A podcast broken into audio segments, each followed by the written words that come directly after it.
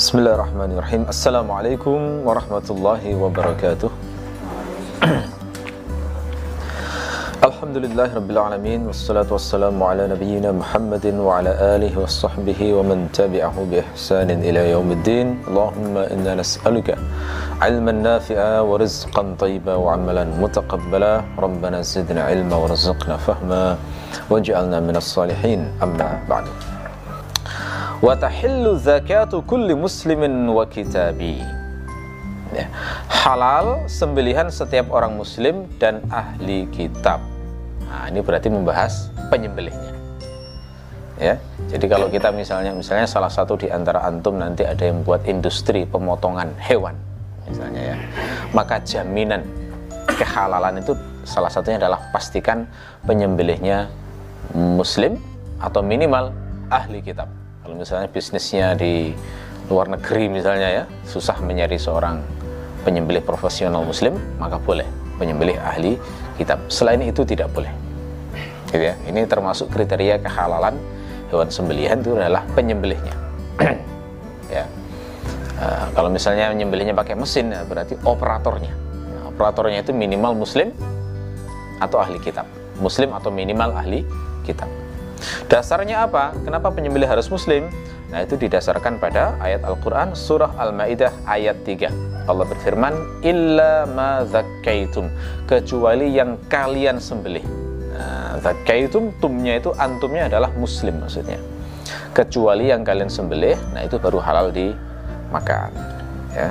Ini sebenarnya lanjutan ayat yang membahas tentang hewan-hewan yang mati tertanduk, tercekik, itu kan haram dimakan kecuali saat tertanduk itu masih masih hidup kemudian sempat disembelih oleh muslim maka menjadi halal dimakan ya. Syaratnya muslim ini harus balik ya atau minimal mumayyiz. Nah sudah sempat saya singgung ya. Jadi tidak sah muslim tapi masih dua tahun. Nah itu tidak tidak boleh tidak sah menyembelih. Wanita bagaimana sembeliannya halal boleh. Jadi tidak disyaratkan lelaki. Jadi bolehlah sesekali saat hari raya perempuan yang menyembelih misalnya. Biar tahu itu halal itu loh ya. Jadi enggak tidak dilarang yang semacam itu. Orang gila bagaimana sembelihannya? Halal apa tidak? Ternyata dibahas oleh para fuqaha syafi'iyah orang gila itu sembelihannya halal ternyata. Ya. Nah, boleh memakan hasil sembelihan orang gila. Termasuk orang mabuk jadi mabuk nggak sengaja menyembelih misalnya. Termasuk juga orang bisu itu juga halal sembelihannya. Termasuk juga orang buta. Nah hanya saja kata Al-Hisni kalau buta ini menyembelihnya makruh. Gitu ya. Jadi itu. Muslim. Satu. Ter atau kitabi yakni ahli kitab. Jadi penyembelih ahli kitab halal sembelihannya. Ahli kitab itu mencakup dua pemeluk agama yakni Nasrani atau Yahudi.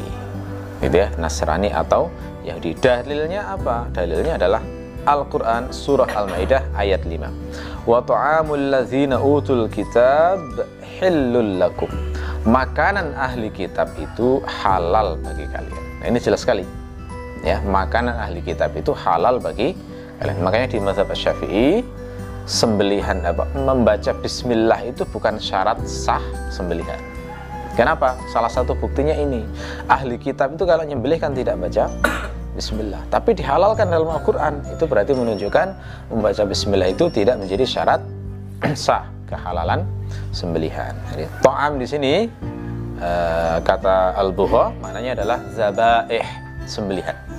Jadi to'amul ladzina utul kitab hillul lakum itu maknanya sembelihan-sembelihan ahli kitab itu halal bagi kalian. Ya tidak membedakan apakah yang menyembelih ahli kitab itu laki-laki maupun wanita. Semuanya halal sembelihannya. Wala tahillu zabihatu majusi wala wathani. Dan tidak halal sembelihannya orang majusi dan penyembah berhala. Nah, jadi intinya selain ahli kitab orang kafir selain ahli kitab itu haram sembelihannya Majusi itu bahasa lainnya adalah eh, eh, penganut agama Zoroaster. ya Zoroaster. Jadi pengikutnya Zarathustra ini agama di Persia penyembah api. Ya Majusi. Salman Al Farisi adalah seorang sahabat Nabi yang dulu awal-awal beragama Majusi. Setelah kemudian itu pindah ke agama Nasrani terakhir beragama Islam. Jadi dia tidak halal sembelihan orang Majusi wala wathani dan termasuk juga penyembah berhala. Jadi orang yang menyembah berhala orang yang musyrik tidak halal sembelihannya. Makanya hati-hati hati-hati kalau misalnya pergi ke area-area yang muslimnya minoritas ya. Pergi ke daerah Bali misalnya itu harus selektif. Memilih makanan warung yang yang kita ingin makan daging misalnya itu harus selektif. Pergi ke Thailand misalnya. Ya di sana kan minoritas orang muslim di sana. Maka kalau makan di sana hati-hati. Ya. Uh, apa mengapa kok tidak halal sembelihan dari orang-orang ini? Nah, itu didasarkan pada mafhum ayat sebelumnya yang kita bahas. Ayat dalam surah Al-Maidah tadi kan diterangkan bahwa yang halal menyembelih itu muslim atau ahli kitab. Kesimpulannya apa? Berarti selain mereka haram. Nah, maknanya begitu ya. Nah, itu dikuatkan juga ada riwayat Al-Baihaqi dari Al-Hasan bin Muhammad bin Ali beliau mengatakan kata Rasulullah sallallahu alaihi wasallam ila majusi hajar ya'ridu alaihim al-islam faman aslama qubila minhu wa man aba duribat alaihi al-jizyah ala an la tu'kala lahum dhabihah wa la tunkah Ya.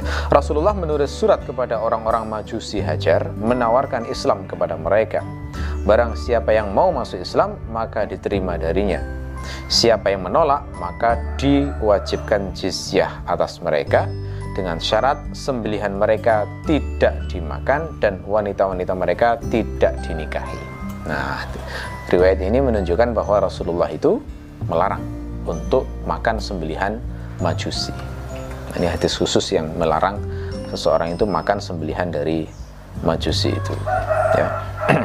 Termasuk yang semisal dengan orang-orang ini adalah sembelihan orang murtad. Nah, di negeri kita itu kita diuji dengan banyak orang-orang murtad. Itu kalau nyembelih tidak halal itu sembelihannya. Ya. Terutama artis-artis itu ya. Beberapa itu kita mengetahui murtad dari Islam. Nah, itu kalau nyembelih tidak halal itu sembelihannya. Ya. Orang murtad itu kalau mati tidak boleh dimakamkan di pemakaman orang muslim. Sembelihannya juga haram dimakan. Termasuk juga orang ateis lebih parah ya. Ateis itu lebih parah daripada musyrik. Musyrik itu lebih baik tanda kutip ya daripada ateis. Kenapa? Karena musyrik itu masih percaya kepada Allah. Cuma dia menduakan Allah itu loh ya. Jadi musyrik itu percaya pada Allah, cuma menyekutukan Allah, menyembah Allah dan selain Allah. Ateis itu sudah enggak percaya kepada Allah. Ya sudah tidak tidak mempercayai adanya Tuhan lagi itu kafirnya kafir fir ya. Kafir kuadrat itu ya. Jadi bold kafir itu ya. Jadi sangat sangat kafir. Ya ter termasuk orang yang agnostik. Agnostik itu agnostik itu kan orang nggak percaya agama ya. Jadi dia mungkin percaya Tuhan tapi nggak mempercayai agama nggak mau beragama. Agnostik ini kafir juga ini agnostik ini. Jadi kalau ada teman yang mengatakan saya percaya. Saya percaya Tuhan tapi saya nggak percaya agama. Ah, dia itu kafir jenis agnostik. Ya. Kadang orang merasa keren padahal kafir. Kafir kok keren? Bagaimana itu ya nggak bisa ya. Termasuk juga orang durus. Nah ini agak uh, istilah durus ini agak jarang didengar ya. Orang-orang durus itu penganut agama yang sangat tertutup. Jadi akses terhadap kitab suci mereka itu enggak tidak diketahui kecuali adanya penganut durus saja. Durus ini orang yang ngakunya muslim tapi sudah keyakinannya sudah jauh dari Islam. Ya, jadi punya kitab sendiri, punya pemahaman sendiri. Uh, sekte durus ini banyak dibahas uh, di kitab yang berjudul di antaranya Al-Islam bila Madhahib.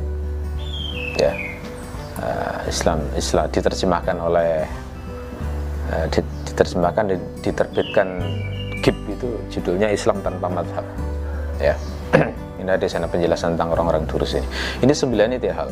Uh, kebanyakan penganutnya hari ini di daerah Syam ya daerah sekitar mungkin Lebanon, Suriah, daerah situlah kira-kira